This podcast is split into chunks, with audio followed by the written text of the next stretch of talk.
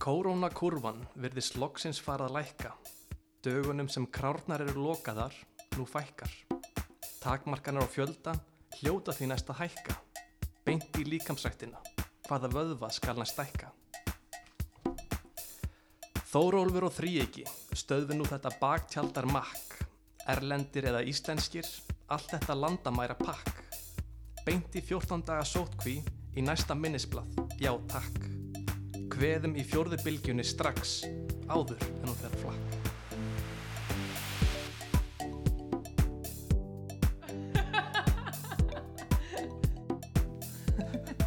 Ertu að skrifa nýtt ljóð fyrir hverju viku? Já, Gekja. er það ekki fínt bara? Jú, þetta er Ha? óslátt. Svona reyna síningur og listrann tilbyrðið hérna. Já, við erum að gera. En góðu hlustundur, velkomin í Arnarhól. Ég heiti Atli Arason og í dag er þátturinn heldur frábrönd því sem hefur verið vegna þess að uh, mín hægri hönd, hann Sveitrúnar, er komin í sóttkví og getur því ekki verið með okkur allar næstu vikuna og eiginlega bara vonandi að hann fá ekki staðfið smitt svo, svo ég þurfi ekki reytni í þessu framhaldinu. En þessi stað fekk ég Halldóri Móvensen og hún er með hals, hals og traust í inganginum. Við erum vannar að taka ingangin alveg sér áður en að pólitíksunar mæta en, en ég fekk hann til að vera með mér í þetta skipti. Hva, hvað segir þið gott Halldóra? Ég segi bara hljómandi. Er það ekki? Jú, Ha, ánað með það. Ég ætla, ég ætla samt að halda formin á þættinu svona aðeins réttu sko. Þannig ég ætla að henda það bara í kynninguna á þér og svo tökum við smá spjall. ok. Það er ekki fínt? Jú, hljómar vel. Þriðji viðmælandi á Arnarhól er fætt árið 1979 í höfuðborginni og hefur verið alþingismadur í Reykjavíkur kjördami Norðurs síðustu fjögur ár. Í dag er hún þingflokksformar Pírata en sá titill flakka reglulega milli Pírata á alþingi. Viðmælandin í dag hefur fyllt Píratum allt frá upphafi en hún tók þátt í stopnum flokksins árið 2012. Áður að koma störfum á þingi hafði hún meðal annars lært ítölsku sem og fatahönnun í bæði Flórens á Ítalju og Listaháskóla Íslands. Síðan var hún rekstrar og deildastjóri hjá Íslensku fjallaleðisjömönnum og Íslensku ferðamarkaði árin 2007 til 2012. Viðmælandin, viðmælandin í dag er að eigin sögn með djúbstaða réttlætiskend og drivkraftur í lífi hennar er að vera samfélagin til gags. Fyrir á hún eitt barn fætt árið 2010 en er í dag kasólétt af sínu öðru barni sem vonir á, á um það bil næsta korteri til 20 mínútum. Það því ekki setna vætna að kynna neinn, góður hlustendur, Arnar Hótt býði velkomna, Halldóru Móensen. Æ, takk fyrir þessa flotti kynningu. Ég var svo kannski aðeins að, að leiðrétta, það er nefnilega, það er formaðurinn sérst, hjá Píratum sem að flakkar um, reglulega á milli þingmanna. Við nefnilega erum með, svona veljum formann með hlutkesti. Já, Við kastum bara upp á það út af því að okkur finnst þetta ekkert sniðut embætti og við afþökkum þetta auka álag sem fylgir embættinu sem að aðrir formenn stjórnmálaflokkar að fá. Og þessi stað þá erum við samt með þetta bara að nafninu til, aðalega til þess að fá um, starfskraft sem er mjög mikilvægur. Og en það er sérst þingflokksformennskan, henni hefur verið sint um, henni var sint að Þórildur sunna á undan mér og nú hef ég sint henni. Og nú er Helgirhab tekinu keflinu út af því að bæði ég og Þórildur sunna eru móléttar Þannig að, hérna, en það er, þingflokksformennskan er bara valinn af þingflokknum, hver sinnir, hver sinnir því hlutverki. já, ég er bara neldi miður, á- fyrstu mínúndinni. ég held að, að þing, ég vissi það með formannin, en ég held líka að þingklósformannin væri líka eitthvað sem að flakkaða millið þér. Það, Jú, það breytist að sjálfsögðu, en það er þá bara þingflokkurinn sem ákveður og, og kýsa sinn formann. já, og það, það er gert með einhver regluleg millibili, það er ekki eftir það alltaf, nei, við höfum aðeins verið að hérna, flakka með það. Þórildur Sunna var fyrstu tvö, var þarna í eitt eða tvö ár og svo tók ég við. Ég man ekki dagsetningarnar, ég líka man ekki neitt akkurat núna því ég er ólétt, ég er ekki þóku.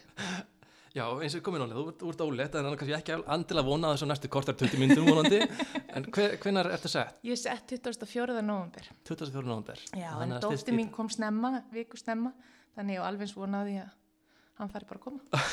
Já, já, já, já. Og hvenar, hérna, þú ert að vandra í leifið núna frá þinginu, Jú, hvað ert búin að vera lengi í leifi? ég fór bara í leifi núna í byrju november. Byrjun november, Já. ok. Hvað, hvað ert búin að bralla með hann? Ég er búin að vera, það er nú voða lítið sem maður gerir þessa dagana. ég náttúrulega maður er aldrei alveg farin frá vinnu þannig að, að, að maður er aðeins í því en annars ef ég á að vera alveg heiðarlega þá er ég voða mikið bara í Playstation heima sko. Já, það. horfa á Netflix og kannski lesa ykkur góða bækur. Sp spilum ekki Playstation? Já, ég spila alveg slatta sko. Uppaflega þá keipti ég Playstation tölvuna fyrir dóttu mína sem er 10 ára. Og hérna en svo bara endaði með því að ég varð alveg húgt sko. Þú er búin að taka yfir. hún, hún kynnti mig fyrir hérna, hún vildi endilega að ég downloada eitthvað leik sem heit Fortnite og ég, mér leist ekkert á þetta. Svo fór ég að spila og hann ekki ekki þér Þetta er svona pírata þing að, að spila tölvuleiki er sannur pírati að, að hanga eitthvað í Playstation? Nei, ég held að það sé fóða misjátt sko en ég náttúrulega hérna, kann ekkert að forrita þannig að ég læt, ég læt þetta duga. Svo margir forritarar og tölvunördar. Ég er svona minnst tækni sinnaði þingmaðurinn örgulega í, í, í hérna, flokknum en, en ég hef gaman að þessu ég líka bara gaman að því að spila með dóttu minni. Já. þannig að finna svona two-player-leiki og spila saman, það er alveg góð leið til þess að einhvern veginn ná saman á hennar forsendum, henni finnst það gaman. Mér líka, Ég man sjálfur sko þegar ég var að spila tölvuleiki sem krakki þá fekk ég bara skammir frá fóröldrum mínum að, að, augun mín er þessu tölvuskjáir og fleira sko, það var, var sagt á þeim tíma sko, það er fínt að fá þetta sama sko. við erum náttúrulega með skjátíma og allt svo leið sko, ég ég er alveg frekar ströng á því að hún, ég setti svona skilirði um að fyrir hver klukkutíma sem hún les hún klukkutíma í skjátíma þannig að hún þarf að lesa sér inn skjátíma þannig að hún stýrir því alveg hvað hún fær mikið skjátíma bara út frá því hvað hún les mikið Ah, sniðt. mm.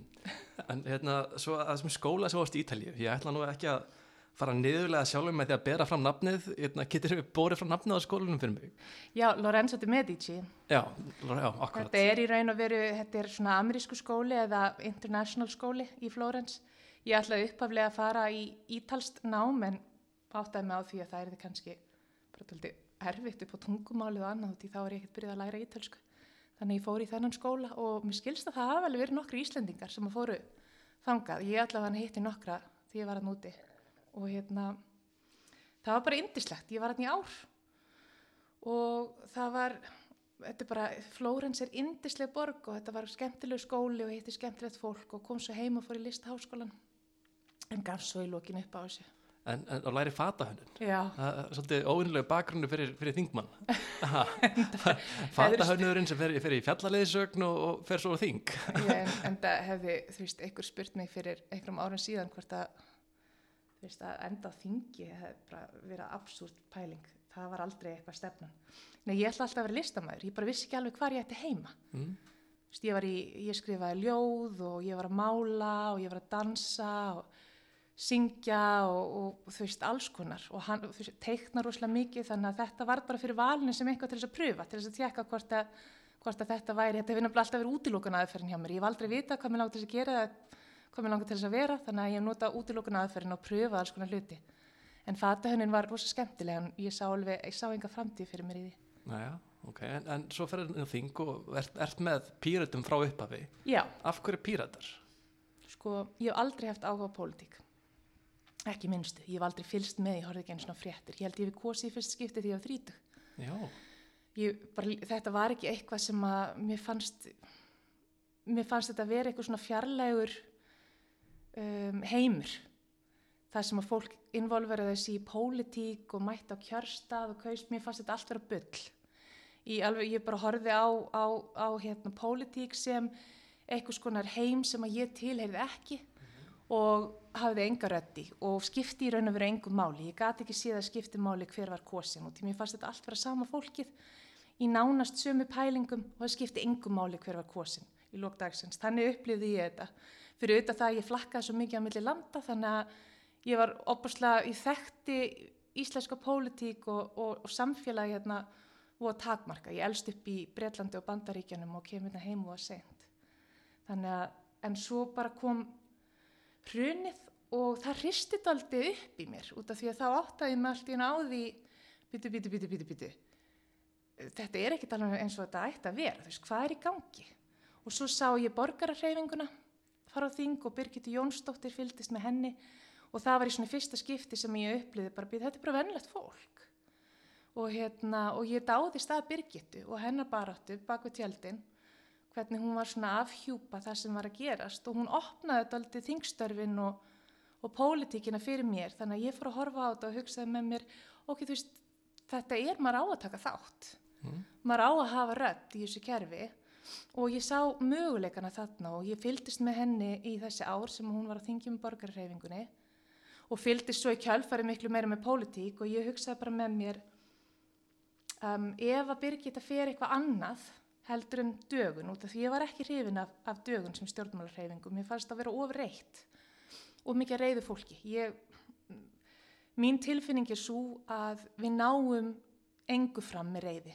Við þurfum að gera það á jákvæðan og uppbyggilegan hátt. Við þurfum að skapa eitthvað nýtt, sína fram á eitthvað nýtt til þess að fólk hallist eða aðhellist það frekar heldur en frekar heldur en að vera að rífa niður þetta gamla, þú veist, það virkar ekki. Við þurfum bara að koma með eitthvað nýtt í staðin sem fólk sér sem einhverja framtíð. Og þegar að Birgitta fór að tala um pírata, að þá bara mætti ég. Þeir voru með fundinir í HR, þannig að sumari 2012 og ég bara mætti og var strax alveg ótrúlega heillið af fólkinu og reyfingunni og, og hérna bara þessari framtíðasín. Ég náttúrulega er daldið, svona daldið útópíski hugsun og hef verið lengi að pæla í borgaralaunum og, og hérna í raun og veru hafa við mikið pælt í bara hvernig heimurinn og samfélagi myndi líti út eða það væri bara engi peningar. þú veist, hvernig myndi það líta út, myndi það funkar, þetta er svona sta, hérna, Star Trek heimurinn sko. Og, og hérna en ég, svo, svo er fólk alltaf já já þetta er búið fallega pælingar en hvernig ætlar að komast ángað svo hitt ég pírata og allt í hennu það fannst mér ég sjá eitthvað svona leiðavísir að þessari útópíu sem ég var búin að sjá fyrir mér. Og hérna mér fannst það ótrúlega fallegt þannig að ég var bara húgt. Þannig að ef það hefði ekki verið pírata þá er ekki aldrei, þá er aldrei, sennilega aldrei farið að þinga neitt þú veist, þú tengið ekki neitt annan flokk eða neitt svoleiðis. ég tengi mig ekki við neitt annan flokk. Ég raun og verið tengi mig ekkert neitt opaslega mikið við stjórnmál per se. Mér finnst hérna þessi leikur allir og þetta er leikrit sko, pólitík og stjórnmál eru leikrit og mér finnst þetta leikrit ekkert sérlega skemmtilegt. Já, þannig að, hérna en það sem mér finnst skemmtilegt aftur á móti er að aðtöða hvort að það sé hægt að, að að breyta því á einhvern hátt og hafa áhrif. Hérna, þá langar bara að færa, mig- yfir í fyrsta dagsglæðin hjá okkur. Og hérna, það, sagt- það fylgir mynd, titilmynd með hverjum þætti og hérna við fengum, fengum hana emblör til að teikna mynd af þér. Ú, og hérna, uh, ég ætla að sína þessa mynd. mm hérna, og ef, ef, ef þú ætlar að móðgu þá, þá tekur Svenni all ábyrð það, það sé bara komið fram það. ég, ég verð aldrei móðguð, það er mjög erfitt að móðga mig. Ok, tilbúin? Já, sína þetta, þetta er að færa iPadin yfir. Já, sæll. Þessi er rosaleg. Það ekki. Líst aðeins fyrir hlustendum hvað það sé hérna Herði, ég er bara hérna teiknuð sem hérna þetta er, ég er nú bara hippi. Hvað er ég með vindil eða jónu í kjæftinum? Ég, það má skilgjuna þetta hvort sem er. Undir píratamerkinu it. Legalize it, Já. já, og auðvitað. Já, hérna, þetta með sko tengir okkur svolítið inn í hérna, eiginlega stæðst umræfni þáttarins. Það er hérna þeir pírata hafa verið alltaf hérna, tala mikið fyrir afglapavæðingu fíknefna Mhm. og mér langar svolítið að koma, koma inn á það uh, ég hef verið bara að skoða máli svolítið á internetinu undir daga og mér finnst sko, fyrsta spurningi bara sko, mér finnst margir með vera að ruggla þessu saman þar að segja afglapavæðingu og lögleðingu Já, hver er mismunars tveimur hugtökum? sko löglegin sem ég myndi frekar kalla bara regluvæðingu út af því að þarna ertu í raun og veru að, að taka bara svartan markað og þú ert að setja ramma, bara reglur í kringum það, þannig að þú ert að regluvæða þetta á meðan að afglæpavæðing er aðalega að snýra því að, að refsa fólki ekki lengur Veist, þannig að það er ekki, við erum ekki að, að regluvæða eða löglega það heldur við erum bara að segja að þú sem notandi Við ætlum ekki að refsa þér með því að sekta þig eða setja þig á sakaskrá eða setja þig í fangelsi. Heldur ætlum við frekar að líta á þig sem aðalega sem mögulega ef þú ert fíkil til dæmis og ert í miklu neyslu að aðstóða þig við að, að hérna, ná bata. Og ef þú ert ekki í miklu neyslu og þetta er ekkert vandamál þú veist, af hverju er við þá að bögga þig, skilur það er bara, þannig að hugmyndin er bara að- létta, þú veist, að hætta að refsa fólki sem er að nota vímefni út af því að við erum að fremja gríðarlega mikið af alveglega mannréttindabrótum í þessari, þessu stríði gegn, gegn fíknefnum eða það sem að ég myndi vilja kalla vímefni.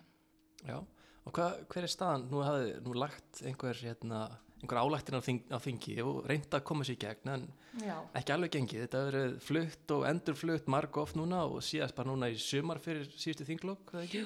sko við í, ra- í raun og veru við lögum fram frumvarp sem að, að hérna, við mældum fyrir og, og, og fór í þinglega meðferð og kom í ljós að, að voru gallar á sem við lögum. Þú veist, það, við komum til móts við allar umsagnir og allt sem kom inn í, í meðferð þingsins og, og bættum það í vonum að ná því í gegn. Og þetta var bara eitt af okkar forgangsmálum núna á senasta þingi.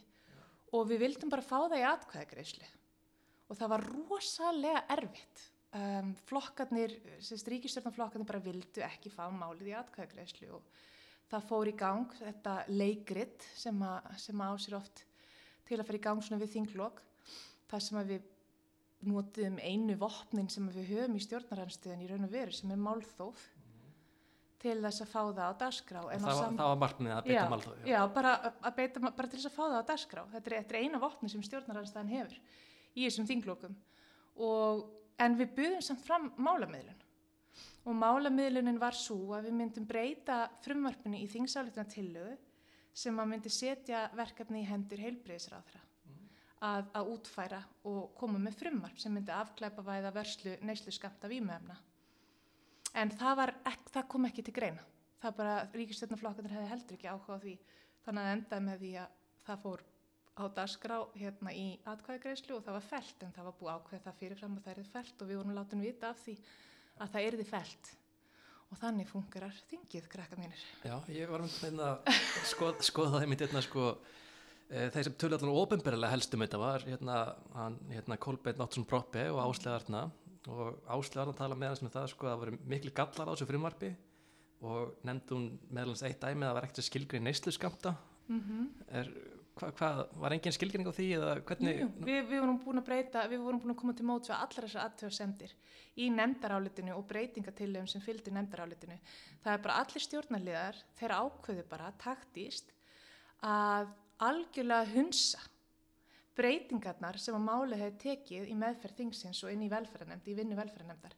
Þeir bara algjörlega hunsuðu það og töluðu alltaf um málið eins og það kom upprunnilega inn á þingið en ekki þær breytingar sem að hefði gerst og það verða alltaf breytingar á þingmálum við meðferð þingsins. Inn í velferðarnemnd þegar við erum að vinna þetta, þá fáum við fullt af umsögnum, fáum fullt af gestum, sérfræðingum og við hlustum á þeirra rattir og þeirra tillögur og við breytum málinu í samræmi við það til þess að betrum bæta það. Um, þannig að, en það var bara ekki tekið tillit til þess og við vorum búin að, að breyta þessu þannig að, að hérna, það var bara heilbrisaður og að falið að skilgræna neyslu skamta í, í reglugerð. En er það bara uh, mjög eðlilega leið til þess að fara því að skilgræna neyslu skamta. og það var gert núna með þá neyslu rýmum og fleira eða hvað Já, það er einmitt hérna, hluti af því fyrir utan það að listin í, í lögum um ávan og fíknefna, fíknefni, listin yfir ólögulega efni er í reglugerð. Og það eina sem þurft að gera er það bara í sömu reglugerð með þess að það væri bara hægt að, að skilgræna næstu skamta fyrir hvert og eitt efni sem er á þessum lista fyrir. Já, og ég held að hún vitna í áslegu sko, þá segir hún sko ef ráðast á í sambarlega breytingar og gerða voru í Portugal þarf að líta þær aðgerir heild til dæmis varandi aðstofið fíkla, meðferðúræði, félagsráðgjöf og fleira. Þetta þarf að fara saman. Mm Þetta kom bara mjög skýrt fram í okkar hérna, nefndar áliti sem að fyldi frumvarpinu og það sem við tókum fram og settum einmitt inn hérna, breytingu um að það er þeim að horfa á þetta heilstætt og nýta það fjármagn sem að sparast við afgleipavæðinguna, það er að segja spara skriðilegt fjármagn bara í refsivörslukerfinu hjá lauruglunni og annað í að, að hérna, tryggja það að það séu meðferðarúræði og það sé haldið utan um fólk sem mest þarf á aðstofa að halda. Já, ja, þannig að og, hérna, og ef ég held nú áfram að veitna líka Kolbein sko, þá tala hann um að, að það var ekki unni í samráði og það hafði ekki farið gennum samráðskátt eins og önnur þingmannmál. En það er þetta ekki ríkistjórnumál. Þingmannumál fara ekkert í gegnum samráðskátt, það hefur bara aldrei gerst. Samráðskáttin er fyrir ríkistjórnina.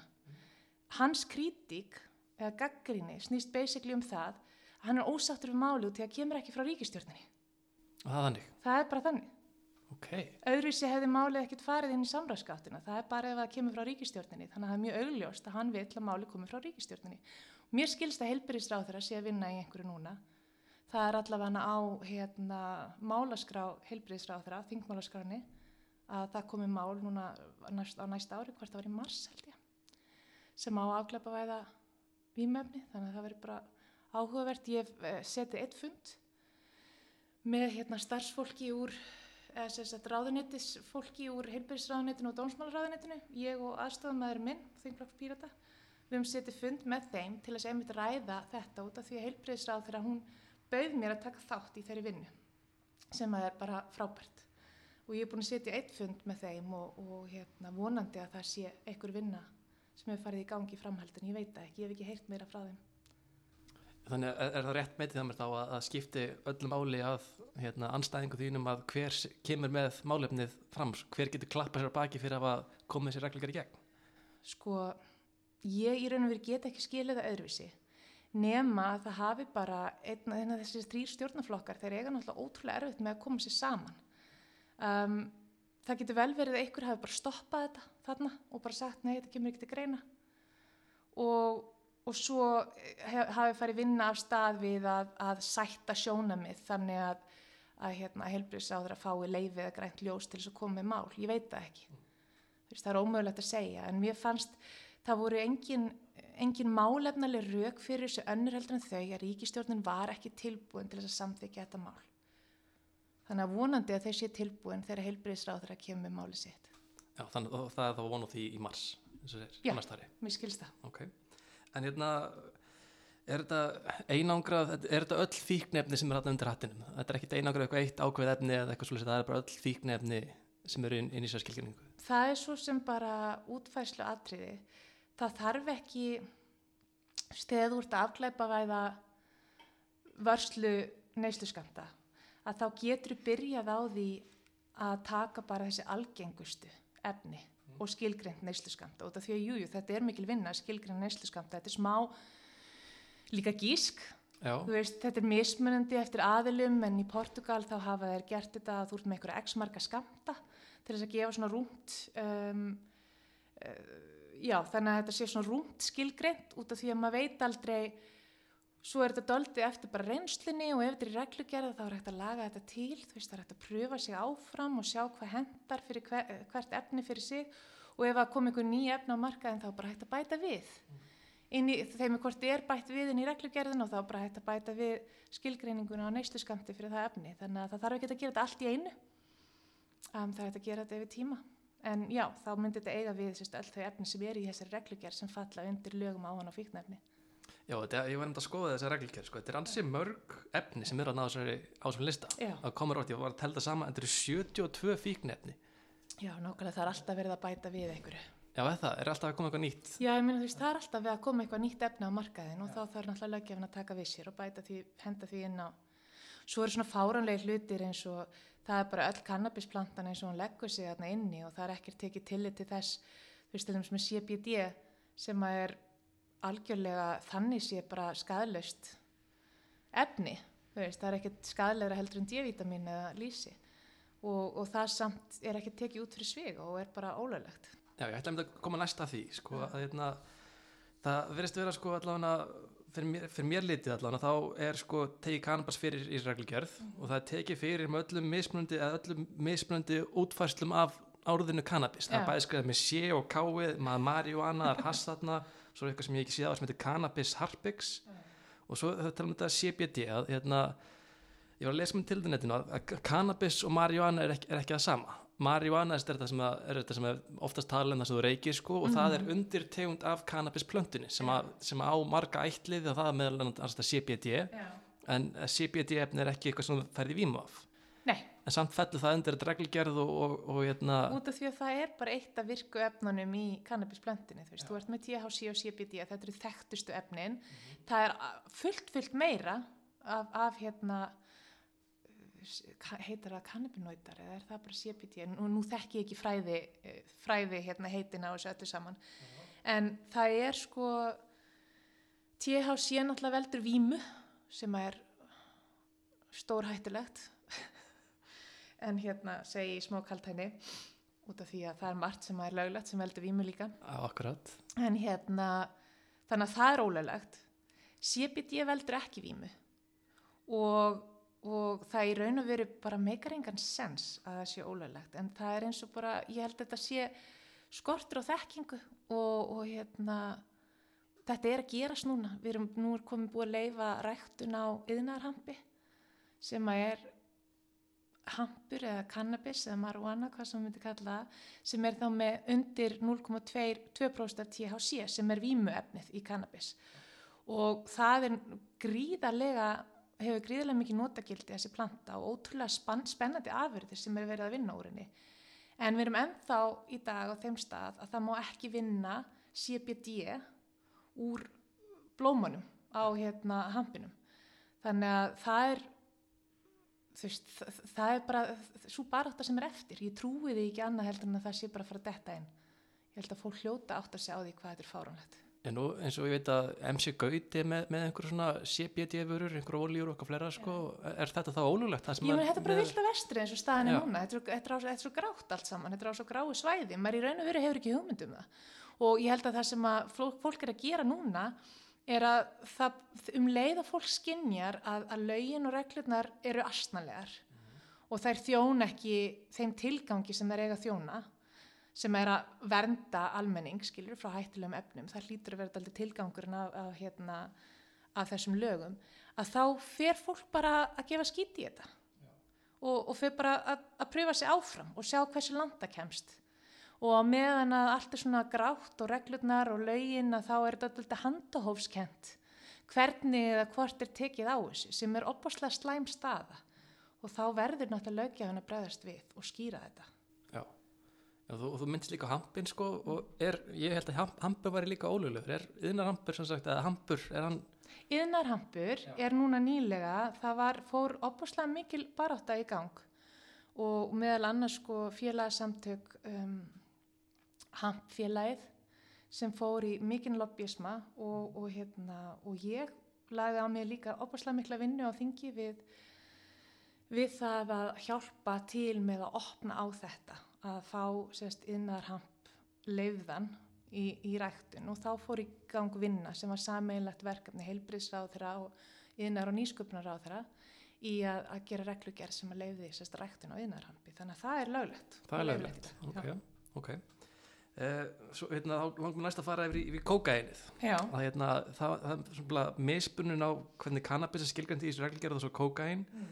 Að eina sem kemur fram með kókainum eða kókain er, er, er orðið kókainum sem að ég vissi ekki al, almennilega hvað það þýtti sko áður en ég leita maður til á, á Google og þá það er latneska heitið yfir kókain og það sem ég sá mest af þegar ég skrifaði kokaínum á, á Google þá var einhverja myndir og einhverju gif af Arnold Schwarzenegger það sem var einhverju bíamynd að, að fara með hann frasa sko. en það er um svo skrítið sko, akkur þetta ekki líka skilgjart með kái og, og, og fleira skiljur eins og kannabis eða gert Ég bara þekki það ekki Þetta, þetta bara, þetta stakk mér alltaf þegar ég var að fara yfir þetta sko og svo hérna eins og eh, kokain er unnið úr kókalöfum mm -hmm.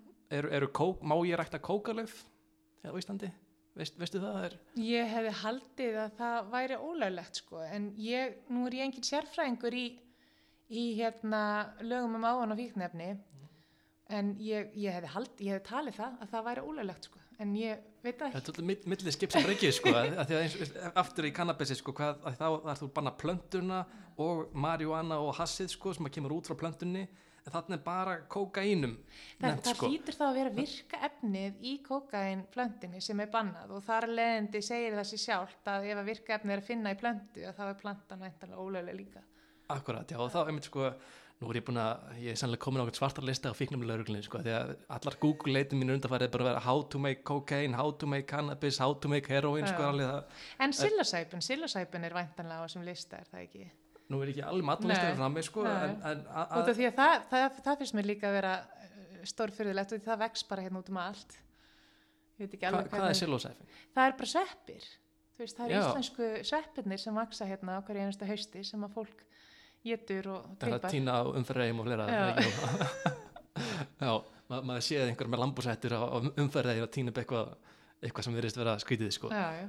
En, en já, með, bara í kókaininu áfram já. að hérna ég fór að skoða maður til um kókuleifin sko, og hérna, þetta er vist vex mikið í Suður Ameríku mm -hmm. og hérna, í kókuleifinni þá er, sagt, er það er notað til að framlega kókaini en það er 0,5% til 1% úr laufinu sem verður að þessu virkefni í kókain og hérna þess að með að við það, það er hérna, síðu sem ég skoðaði sko, þá er er laufið sjálft, það er bara svona örvandi eins og kaffibólli og þetta hefur einhver heilsufars áhrif eins og á að hveðan er hunga, hungur, þosta, eh, er gott við háfellaveiki og verkefnskjöldaldi. Já, þeir nota hérna- þetta mikið í Peru, uh, þeir tyggjaði bara kókalaufin til þess að aðstofa þeim með öndun sérstaklega þegar þú komin upp í upp í þessa hæð sem, að, sem að landið er í náttúrulega, já. mm.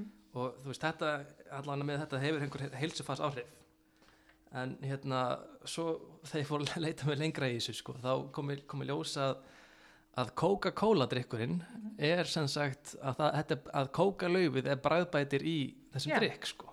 og í gamla daga að þá var meira þess að kókain í dreiknum Já, en það var náttúrulega tekið út á sínum tíma þegar þetta var allt ólöglegt. Já, já, en hérna ég las sem eitt grein, þetta var svona expose grein fyrir mörgum árum síðan og bara með fyrirvarum að ég sé munana rétt að, að hérna að þá hafi, er Coca-Cola helt áfram innflytningi og þeir eru eina fyrirtækið í bandaríkjanum sem að hefur leifi til þess að flytja inn kókalauf út af því að þau eru ólega út í bandaríkjanum Það sem þeir gera er að þeir vinna þá virka efnið úr kókalaufunum, nota kókalaufunum upp á bragðefni í, Coca-Cola drikkin sinn og selja svo efnið, kókainið til livja fyrirtækja.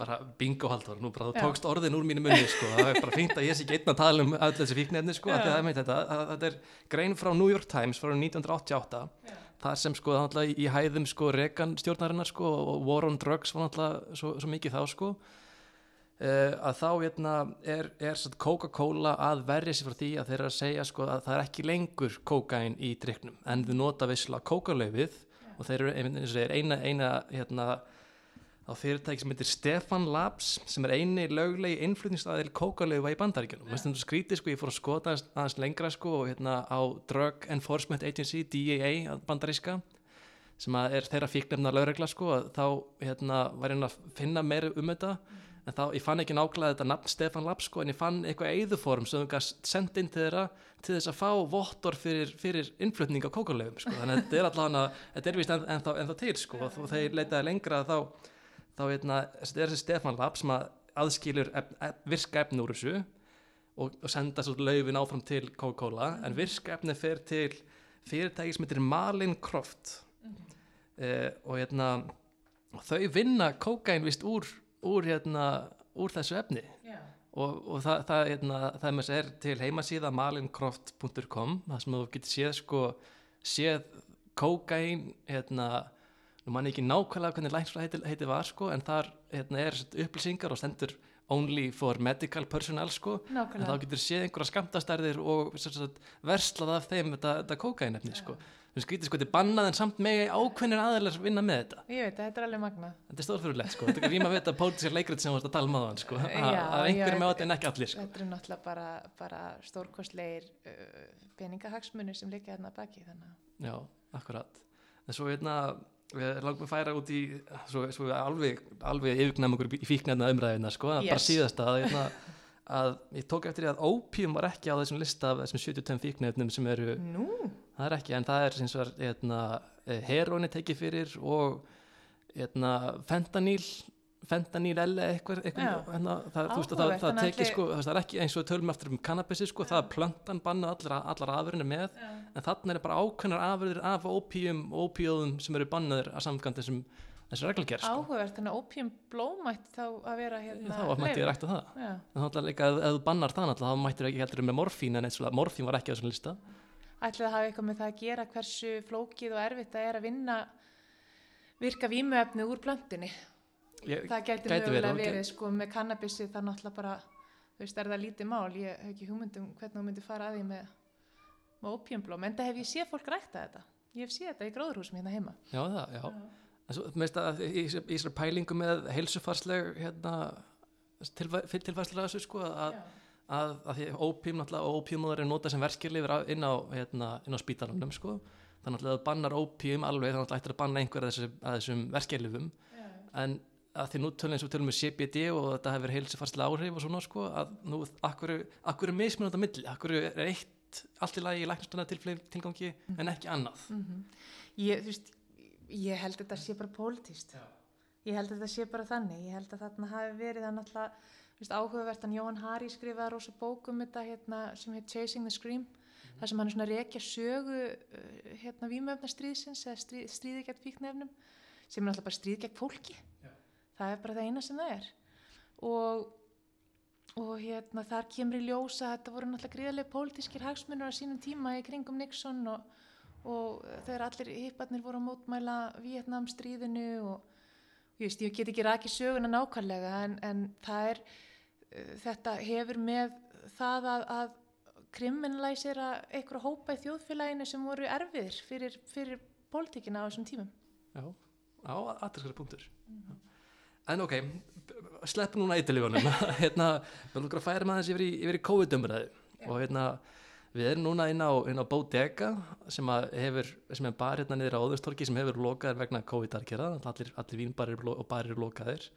Fengum þess að góðfustleifi að vera hérna inni að taka upp og þetta er hérna, mik miklu tengslu við snaps og, og þar er einmitt loka líka núna vegna aðgerða sko en, en, en þau, þau sitja ekki auðum höndum, þau eru á fullu að, að endurbæta staðin eins og er og ætla að opna aftur með pompaprakt á 50 daginn klukkan 5 þannig bara fyrir spennt með því. En að, að COVID-inu sko að hérna ef ég spyr þig, þú veist með þessar vitneski sem hefur núna þetta alltaf að breytast að þróa sko að hérna ef við förum í harðari aðgerir á móti léttar aðgerðum segjum að aðgerðir sem við erum að gera núna séu á, á skalum 0 til 10 séu 5 hvort myndir þú vilja fara í 10 harðar aðgerðir eða í 0 léttar aðgerðis Úff, hérna, sko, þetta er ekki svo einfalt. Það sem ég hef smá áhyggjur af það sem ég fyrir skorta opaslega mikið er sviðsmyndir og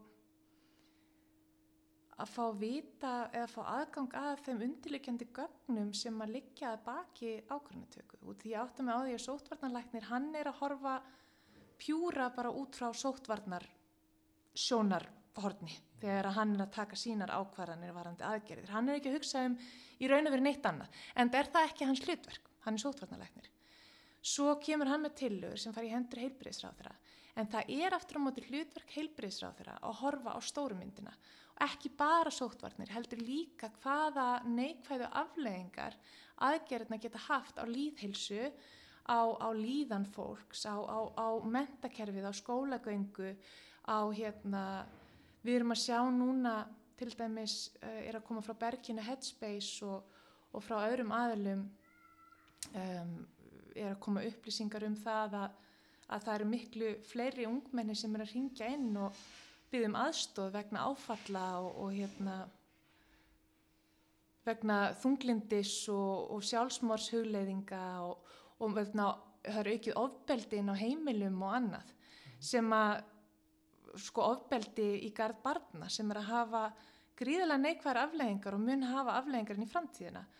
Mér langar til þess að vita hvort að heilbriðsráður sé að horfa á þetta heildrænt þegar hún er að taka ákvarðin um hvaða aðgerðir hún ætlar að fara í.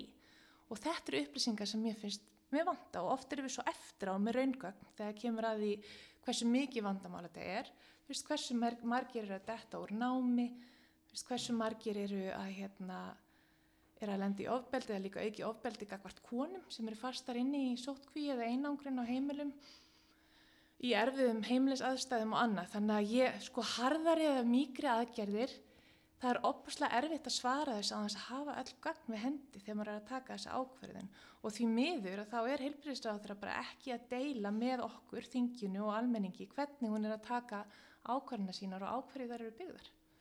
En þá, já, þá langum mynda að eina af þessum afleiðingum af einmitt hertar aðgerðum á, á, á COVID-takmörkunum sko, að, að það er rosalega mikið Yeah. Og atvinnuleysi bætur hafa hérna, alveg farið upp á öllu valdi og hérna, eru það einhverjum orðið mikið vandamál. Eh, en nú hafið þið píratar talað svolítið fyrir borgarlaunum hérna, hvernig, ef ég byrja bara að spyrja því ef, ef þið hefðum verið með borgarlaun allan þennan tíma þá gert eftir þörf á atvinnleysbótum en, en þá ekki, hefði það ekki vandamál sem að fylgir bótunum núna verið allt til staðar þá, hvað er mikið, mikið að blæða út úr ískassanum Nei, sko þegar við erum að tala um borgarlaun að þá er það ekki úrræði sem að bara magically eitt og sér er, a, er að fara að fungera inn í núverandi ramma hagkerfisins, bara hvernig skattkerfið okkar fungerar, hvernig hagkerfið virkar það er engin einföld leið bara til þess að henda á einhvern borgarlaunum og, og, hérna, og ganga út frá því að það muni bara laga allt. Þetta er hluti af miklu stærra púslispili sem kemur að því bara að endur skoða hagkerfið okkar. Hvatana og, og undirlikjandi hugmyndafræði við þurfum að skapa sjálfbærara hagkerfi sem að nær veist, og við þurfum að skapa öryggisnett sem nær utanum alla og til núverandi öryggisnett er orðið gamalt um, það er orðið allt, allt, allt og flókið og þá er ég að tala um almannatryggingakerfi það er varla manneskja á landinu sem skilur nákvæmlega hvernig almannatryggingakerfi virkar sem þýðir það að megin þorri fólks sem þarf að reyða sig á almannatryggingakerfið sér til lífs viðværis það skilur ekki og veit ekki hver réttundin sín eru og það er ekki hægt að bjóða upp á það í líðræðisríki að þú skiljir ekki lagaramman og reglugerðaramman sem að stýrir algjörlega þínu lífi.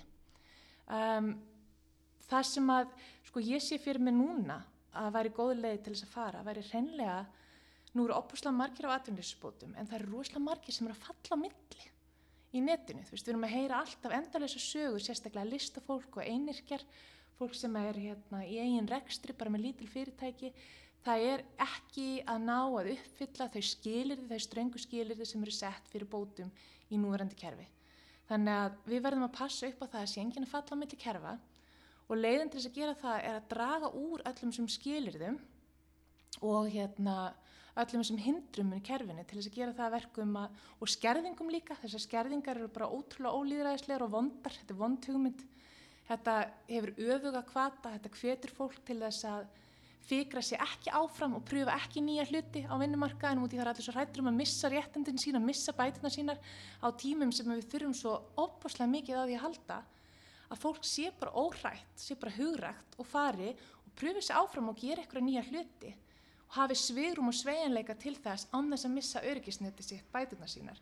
Það er svona nýsköpunin sem við þurfum að hvetja til og íta undir til þess að koma hagkerfinu aftur í gang og líka bara til þess að Ég, það er óbúslega mikið tala um eins og samfélkingin tala um núna um að skapa fylgta störfum. Þú veist, hvernig störf?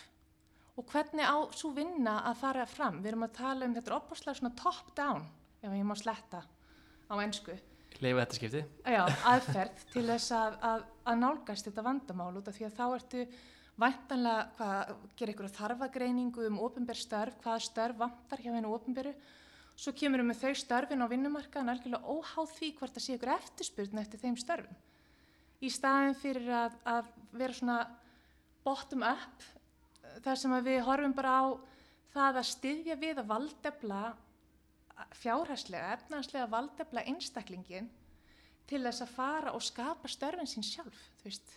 Treystu við ekki fólki til þess að fara og skapa einhvað þegar þeir hafa sveiginleika og svigrum til þess að gera það. Já, þetta, ég er svolítið samlega, þetta er fallið og flott hugmynd og allt það sko, en þá er ég ekki að spyrja það eftir hérna, hvernig, hvernig á fjármagna þetta? Nú er þetta alltaf mikil útgjöld úr ríkisjóðu, hvernig, hvernig á bara að vera halli, stanslust halli, nú er mikil halli á ríkisjóð vegna meðal aðlunleins og fleira sko, á það bara vera viðvart halli alltaf á ríkisjóðu? Nei, það, þetta, þetta virkar ekki þannig. Það er allavega, ef við getum farið út frá þeim tilurinn sem hafa verið gerðar, við sverum heiminn, sem hafa búið verið að gera í tíu ára að þá sjáum við að það verður allstað sparnar í öllum kerfum sem kemur, til, kemur í staðin. Þannig að það sparnar í heilbríðiskerfin. Í Manitoba í Kanada á sínum tíma, hvort það verður 5-6 ári tilröðin, þá komur ljós 8,4% sparnar í heilbríðiskerfinu. Það það er bara mikill og stór sparnar. Þarf um, hérna ha, og þarfur hér. Og þarfur hér. Það verður líka sparnar í refsiværslukerfinu út af því að það eru færi glæpir. Það, sem fylgja borgarleginum. Fylgja borgarleginum. Nú það er minna brottfall úr skólum það er aukin mentun þetta hvetur til aukina mentunar sem þýðir það að fólk menta sér lengur kemur aðeins setna út á vinnumarkaðin en fær miklu hærri laun og borga meiri skatta uh, svo, veist, það eru svona hlutir það voru, veist, það voru miklu fleiri þetta, í þriðja heimsiríkum þar sem þetta var að pröfa það var minni veitna, fækkaði badnadauðum og, og, hérna, og næringaskortur minkaði og bara almenn velmegun.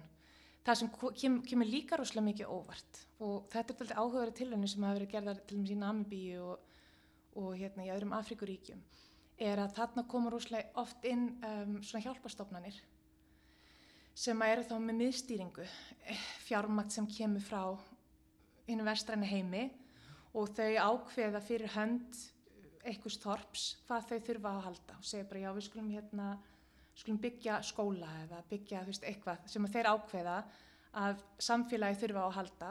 Og svo fá þeir inn einhverja vesturlanda búa í dýrum flugum og, og redda þeim gistingu og annað þarna og, og til þess að stilla þessu öllu saman upp. Í staðin fyrir að gefa fólkinu bara peningin beint. Og þá ekki komið ljós þegar þú gerir það að þá sér fólki sjálft um að byggja þær stofnanir og, og þá hluti sem að þau þurfa mest á að halda. Og það er af hluti sem engum datt í hug. Eins og einu svona litlu þorpi, þeir fengu peninga allir fengu borgarlaun, þeir settu þér saman í púk og þau ákveði að byggja sér pósthús eitthvað sem yngri hjálpastofnun hefði dottið í hug að byggja fyrir þau og það gjör breytti samfélaginu þeirra. Það voru öll atvinnistar sem að blómstra út frá þessu og bara velmegun fór í gang sem að hafi aldrei sérstatn áður. Og það var með því að setja fjármagni í hendur einstaklingana sem búa á svæðinu og eru þá væntanlega sérfræðingar á því hvað þau þurfa á að halda til þess að blómstra og þá gerast kraftaverkin. Þannig að þetta er, uh, þú ert að spurja fyrst hvernig við myndum fjármagna þetta, svo er ég fór á smá tangent þannig út fyrir efnið, en það er líka það að við þurfum bara að endur hugsa skattkerfið okkar. Veist, það þarf líka að skoða þetta, ætlum við að gera þetta sem neikvæðin tekiskatt, það er að segja að nota um, hérna, persónaafsláttarkerfið okkar til þess að greiða út persónaafsláttin, það er að segja að við getum greitt hann út til þeirra sem er ekki að nýta hann og þá ertu komið með borgarlein eða ætlum við að greiða öllum einhverju upphæð og taka svo tilbaka í sköttum út í hugmyndin er alltaf svo að þegar þú ert að vinna yfir einhverja vissa hérna, upphæð að þá ert þú ekkert að fá borgarlaunin, þá ert þú að greiða tilbaka til samfélagsins. Þannig að það þarf að, að hérna, endur skoða skattkerfi eins, eins og það leggur sig. Við þurfum að fara að leggjast miklu harðara gegn því að, að fólk geti svikist, fyrirtæki geta svikið til skatti með því að færa ótrúlegar upphæðir í skattaskjól vísverum heim. Vist, það eru ymsar aðgerið sem er hægt að fara í en, en hérna, það er ekki hægt að horfa á, á borgarlegin eitt og sér sem einhvers konar rándýrar greiðslir til borgarana heldur líka út frá því hvað við að græða á því, hvað við að fá tilbaka, hvað við að spara með því að gera þetta og því við getum lagt niður enni framfæslukerfi. Já, en hérna, það, ég séð einhverja allan að tala um það að, að ef að allir fengi sér borgarlauna þá myndi stór hluti af þjóðfélagsdegnum bara verða latari og, og ekki nenn að finna sín aðra vinnu. Þannig að ef svo væri, er þetta ekki allt á við, fallum vit- sjálf sig. við vitum að það er ekki satt út af því að það eru bara allar rannsóknir sem hafa verið gerðar á borgarleinum sem sína að það er ekki satt. Til dæmis þessi fræga manni tópatilurinn í Kanada á sínum tíma. Hún hafði engin neikvæð áhrif á vinnumarka. Það er að segja fólk, ein, einu neikvæð áhrifin, jú, það var pinkulítil minkun á vinnu og það var það að konur um, voru aðeins lengur heima með börnunum sínum, frekar heldur en að drífa sig út á vinnumarkaðin og ungt fólk um, fór í frekara nám þannig að það senkaði komið sína vinnumarkaðin. Það voru einu einu svona, og, og, veist, ég get ekki eins og kalla það neikvætt, sko, það er náttúrulega klárlega jákvætt. En, en hérna, við vitum það alveg að upphæðin þarf að vera þannig að þetta er nóg til þess að ná endum saman. Veist, þannig að þú sért bara yfirfát, þú sért bara yfirfát, þú sért ekki undir fátættamörkum, en það þarf að vera til stað kvati til þess að þið langi til þess að, til þess að geta átt meiri pening. Veist, þetta á ekki að vera letjandi og þetta þarf ekkert að vera letjandi og ef við horfum bara aðeins á samfélagið, hversu margir vinna í sjálfbóðaliðastörfum í heiminum? Þú veist, ég googlaði þetta eitthvað tíman og skoðaði og ég, bara, ég er ekki með töluna núna í haustum á mér, en það komir rosalega mikið óvart. Þetta eru ofbóðslega háar tölur. Bara allt fólki sem er að forrita fyrir Linux fyrir ekki neitt eða bara Wikipedia, öll vinnan sem fer í það hjá fólki. Það, fólk er ekkert að fá greitt fyrir það. Og öll bara sjálfbóðaliðastörf í heiminum sem að fólk gerur út af því að það, eh, hef, það fær eitthvað út úr því. Okkur langar til þess að líða eins og við séum uppbyggilegir tegnar og þáttakandur í samfélaginu. Veist, við erum ekkert að vinna fyrir peninga. Það er kannski nærtakara dæmi að með Ísland að björgunarsveitinar, það er allt sjálfbúðina. Björgunarsveitirnar, já. Þú veist, hversu margir heldur að hjúkunarfræðingarnir og ljósmaðurinnar sem eru að skýta launum sé að vinna fyrir, fyrir, fyrir, hérna, fyrir launatjekkan sinn um þau, voru allir lengur búin að segja upp og farin að vinna í böngunum skilur ef að það væri, ef að það væri eina, eini kvatin sem kerði fólk áfram að vinnumarkaðinum. Það er nú einhverja sögur af því að þetta fólk hafi verið að færa sig eitthvað annað þó að þessa hjúkunarfæmentin að færa eitthvað annað út af lár. Það er út af því að samfélagi eins og það er í dag er rosalega erfitt. Til dæmis horfum bara á það hvað er dýrt að fara í nám. Þú kemur út úr námi, stór skuldur, þú hefur í raun og veru ekkert raunverulegt frelsi til þess að ákveða hvar þú vilt vinna. Þú verður að hugsa það út frá peningum, þú verður að hugsa það út frá því hvernig þú getur borgað niður námslánin þín. Ef við værum með námstyrki, frelsi sem við myndum veita einstaklingum til þess að fara og vinna við einhvað sem við raunverulega langar til þess að gera versus hvað, hvað er að fá mestan pening fyrir, ég, ég held að bankastarfsmenni myndi fækka um mun sko. Já. En nú, haldur, nú, nú fyrir að síga á setnilutin hjá okkur. Mér langar að fara aðeins sko, hérna, uh, ég laði fyrir smá heimaðinu. Að, hérna, að skýra út þína drauma ríkistjórn. Getur þú farið það með mér? Já, ég skal gera það. Aha, hvernig, leit, leit, hvernig lítur hún út? Sko, ég tók þetta í svona nettu, þetta er svona blanda af grín og alvara. Já. En mér finnst þetta mjög skemmtilegt verkefni. Er? Jú, jú, þetta var mjög gaman. Og ég ekki bara byrja í þeirri röð sem hún sendi mér. Jú, endilega. Hefði, fórsetisráðra, það er náttúrulega klárlega Páll Óskar. Um, Hann er nú flottið þar. hann er í geggjaður þar og út af því að þú veist, ég fer ekki fram á mikið þegar kemur að, að hérna að fólki þú veist, ég maður bara acceptur að fólk eins og það er. En heiðarleiki og að fólk sé tengslum við sjálft sitt og komi reynd fram skiptir gríðarlega miklu máli og sérstaklega fyrir þetta embætti. Uh, að það sé ekki einhver leikaraskapur heldur bara raunverulega manneska sem að talar bara tungumál fólksins og er hreitt og beinn og sannur sjálfum sér. Þannig að ég, ég skinja Pál Óskar þannig. Já, er, er það eitthvað sem á ekki við nú, núverandi fórstæðaðra?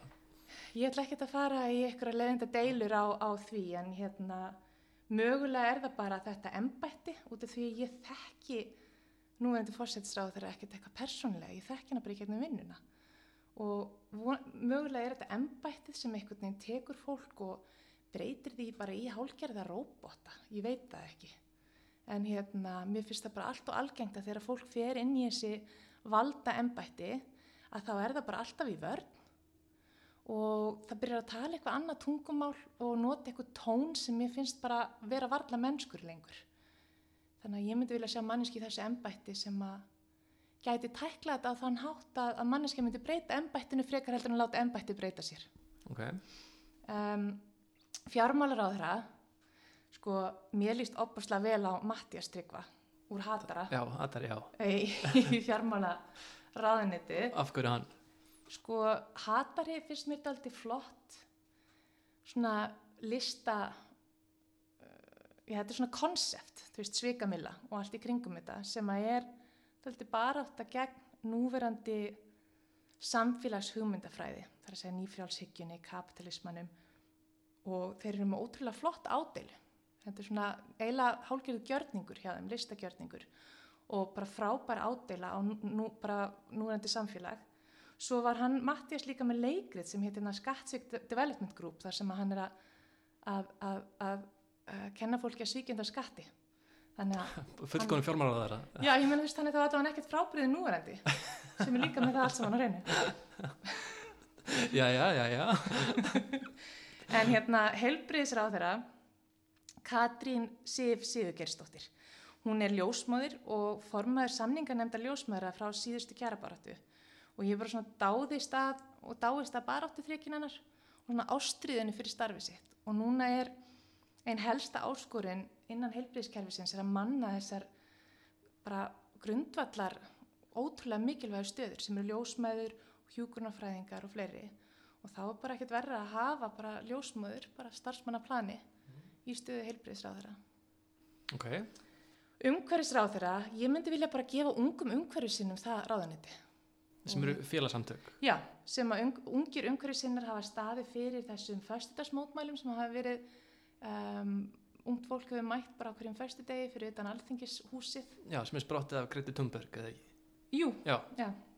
Og hérna, og hafa bara staðið ótrúlega, staðið sér ótrúlega vel, ekki bara að ég halda utan um þau mótmæli, heldur líka að koma sínum skilabóðum að framfæri inn í þingið, til þingmanna og, og berjast fyrir þessum veist, mikilvæga málstað að setja meiri fókus á umhverfismál. Og þau eru bara ung og þau eru fersk og þau eru róttæk og mér finnst það skiptir óslega miklu máli út í það sem við þurfum mest á að halda núna inn í umhverfisræðaneti eru róttækir einstaklingar sem átta sig á rót vandans og hvernig við getum tækla hann og eru ekki hrætt við að fara í alvöru aðgerðir en ekki bara svona það sem við myndum kalla grænþvott Já, og svo hugsaði ég með mér svona jafnvægið væri daldi að setja Ómar Ragnarsson í samgöngu og sveitarstjórnaráðinu einn ungur, einn gammal.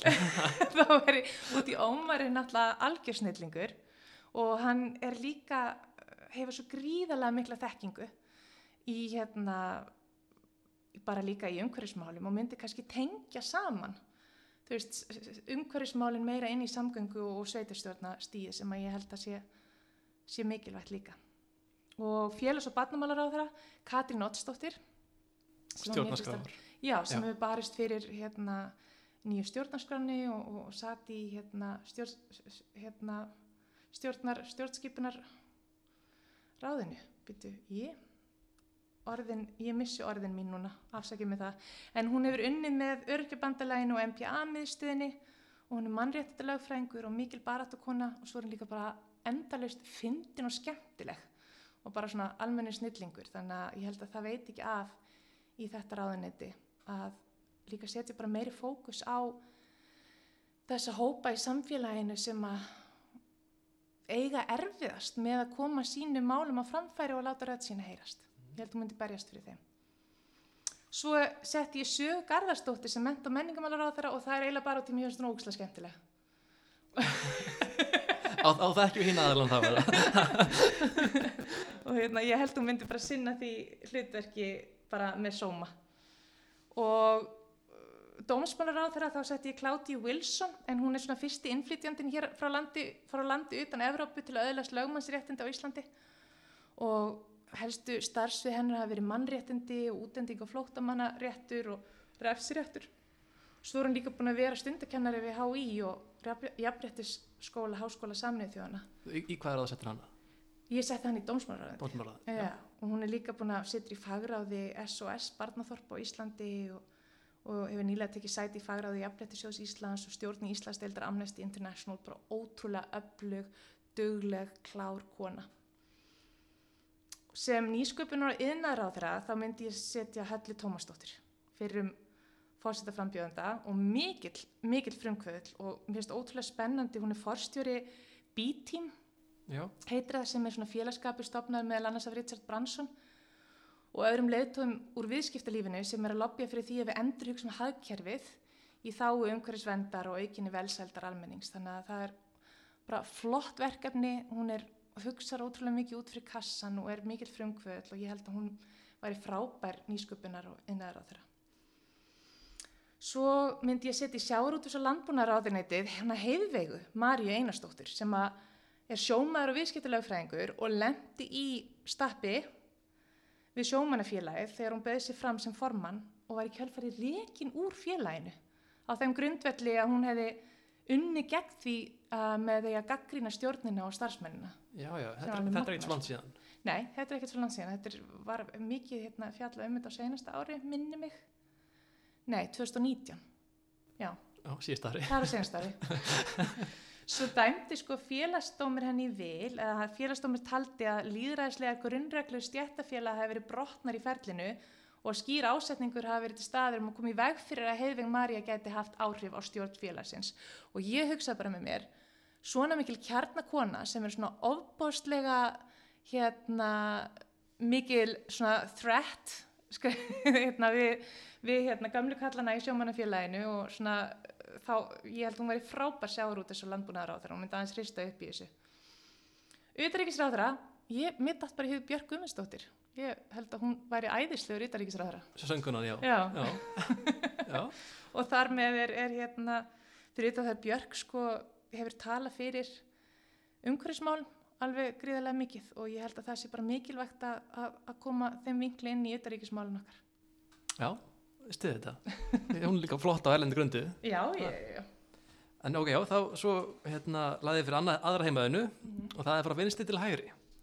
Þessi hérna, ég fekk, fekk stuðningsaðla á þennan lið að það er hérna ískúter.is, þeir eru með rafleipahjól og er, eru hérna að bara taka yfir þann markað sko, þeir hérna bjóða upp til mánaðarlegu á, á rafhjólum sko sem er auðvitað við það sem er svo algegt núna með, hérna, með þessa mínúturlegur sko og það er minna að gjaldi að það sé 7990 sem er þá einhverjar átján, átján aurar á mínútuna sko. Þannig að ég hveit alla endilega til að kíkja á ískúter.is og er, er þú eitthvað að þessu haldur að á ra, rafleipahjólum? Ég hef alveg verið að, að pikka upp hérna og oft bara skjótast neyri vinnu og heim út. Ég býi miðbænum. Þegar ég er að fara á þing, ég hef mikið notað þetta en þá er ég að taka, nota þessi uh, sem að er bara, hvað er verið að rukka eftir mínútinu Já, eða hvernig, já. Það er eitthvað um 30 krónur mínútunar Já. með 100 krónar starkjaldi Já. þá ættir að skoða ískúter, það Já. er bara 18 aurar á mínútuna en allavega, förum við vinstri til hægri ef þú getur Já. þing- flokkun sem er þingi frá vinstri til hægri Herri, ég skal gera það, en ég tek það fram að þetta var leðilegt verkefni. þetta er leiðilverkefni, Já. ekki einn skemmtilegt og heitt Nei. þannig þá fæði ykkur að fyrirsagni núna ha. aðalega út af því að hérna, mér finnst þessi vi- vinstri hægri pæling vera svo boring en sko ég hugsa þetta líka út frá svona frjálslindi og íhaldsemi akkurat, taka það, það fyrir líka já og svo finnst mér líka bara áhugavert að skoða þetta út frá forræðishyggjunni stjórnlindi að, en, en allavega ég, ég sé þetta, veist, ég fór að teikna þetta upp, þá sé þetta aldrei fyrir mér í efnahagsmálum að þá eru samfylkingin og, og flokkur fólksins svona til vinstri og vinstri, svo vinstri hérna grænir og uh, framsókn, píratar, sjálfstæðisflokkurinn, miðflokkurinn og svo kannski viðreist, svona lengst til hægri, þegar kemur að efnahagsmálum. bara Já, en veist, þetta er svona daldi, þetta er daldi erfi. mikið jöfnum inn í þessu sko Já, en við vorum bara almennt á þetta Já, en almennt á þetta, þetta er aldrei erfitt út af því að við dæmis píratar, við flakkum svo mikið fram og tilbaka eftir málefninu. Veist, við erum, í sumum málefnum erum við mjög mikið til vinstri og í öðrum erum við mjög mikið til hægri. Þannig að það búið erfitt að stilla þessu upp, en ég myndi segja að. Einhver af satt stefnulausir í þessu sko hvað er mikið flakkandi vinstri? Já, Það er, en ég myndi svona halda mig við þennan svona kannski efnahagsskala þegar kemur að að raða þessu vinstri hægri út af því að það er einu skalin sem ég finnst eiginlega að make a sense til þess að raða vinstri hægri. og þá sérstu píratarna í miðinni Já, Já. og hérna svo ef við skoðum þetta út frá íhaldinu og frjálslindinni þá myndi ég segja að miðflokkurinn og flokkur fólksins væri mjög íhaldsamir en flokkur fólksins meiri til vinstri heldur en miðflokkurinn, miðflokkurinn meiri til hægri. Og svo er framsókn veist aðeins fyrir ofan miðflokkin í íhaldinu en til miðju þegar kemur að vinstri hægri skalanum. Og vinstri grænir eru svona á sama stað á framsókn þegar kemur í íhaldinu en bara meira til vinstri um, heldur en framsókn. Og sjálfstæðsflokkurinn þú veist, er íhaldsamari er á milli miðflokksins og flokk fólksins og framsóknar og vinstri græna í íhaldinu en eru meira til hægri heldur en þeir flokkar. Og svo myndi ég setja samfylkinguna og pírata og viðreist í sko fr- fr- frjálslindinu en samfylkinguna meira til vinstri píratar er miðju og hérna viðreist eru freka mikið lengra til hægri Þú búin að bæta alls konar breytum inn í þetta hjá já, mér, ha? já, ég vona að þetta make sense þeir stæla að teikna þetta upp Já, sko. það það er eiginlega skemmtilegt að taka þetta saman ég er búin að tala, taka alla seríuna að taka saman hvað, hvað fólk er að segja í þessu sko. já, en hann, ef við tökum bara píratana bara út af fyrir sig, þá ert meira í frjálslindari hlutunum þar með píratana já, þú veist, ég sé okkur rosalega mikið sem svona frjálslindan félagshyggjuflokk mm. veist, ég er ég persónulega hef óbytt af forræðishyggju, ég þólan ekki. Og mér er alltaf liðið þannig. Ég, mér finnst óþólandi pæling að einhver eitthvað yfirvald eða geta sagt mér hvernig ég haga mér eða hvað ég gera eða hvernig ég vera. Það er bara fer í mína fínustu taugar. Þannig að, að það er svona ástæðan fyrir því að, að ég á mjög erfitt með suma flokka og því mér finnst þeir alveg, alveg vera þar. Þessi íhaldssemi felur í sér opuslega mikið stjórnlindi og forræðishyggju Ok, já, hérna, mér langar að spila fyrir hérna, þegar við tókum Helgóil í fyrsta þætti. Mér langar að spila fyrir smá brot úr hennar spjalli og sem hún tala um drauma ríkstund sína. Já, Já sko, ég hef í gegnum tíðina verið svolítið skotin í svona kostningabandalagi. Svo horfði ég á uh, svona katastrófu í, í þá veru þarna 2016 þegar var hérna hlaupið að staði eitthvað kostningabandalag, eitthvað lækjabrekku eitthvað og byrgita og ég man ekki alveg nákvæmlega. og það var eitthvað algjörð klúður þannig að ég er ekki alveg viss en ég held að uh, flokkandi verður bara að vera alveg skýrir með það að þeim hugnist að vinna með ákveðnum flokkum og ég sé fyrir mér sko ég menna ef að, ef að viðreist og píratar og, og samfélkingin eh, sko, eru allt sterkir flokkar og þá mögulega framsókn af því að það gengur líka ágætlega að vinna með framsókn að þau séu stundum ofsalega íhaldsum Mm. en þá held ég að þau séu samt sko uh, í rauninni lík okkur að mörguleiti og einstakar þingmenn þar mjög líkir okkur ef að þessi flokka getur mynda sama ríkistjórn eftir næstu kostningar mér, það væri bara það er bara symfónía í mín eir Sko þannig talar hann um að, hérna, að flokkan þetta vera skýrir í afstöðu sinni, hva, með þau mynda vilja, vinna með. Hvað, bara ef við byrjum á þessum meðmálum, hvað finnst þér um það? En mér finnst það líka rosalega mikilvægt en við höfum talað um þetta, þetta kostningabandalag sem hún er að tala um sem var náttúrulega var það ekki 2016 nei, eða fyrir það í 2000, allavega Birgitta Jónsdóttir, hún leiti það og við gerðum alveg klárlega mistök þarna. Mistökin voru að hafa þú veist, einhvern veginn ekki nægilega mikið samráð við hína flokkana og við stiltum fólki daldi upp við vegg og þetta voru bara mistök sem við lærðum af og náttúrulega gerum það aldrei aftur.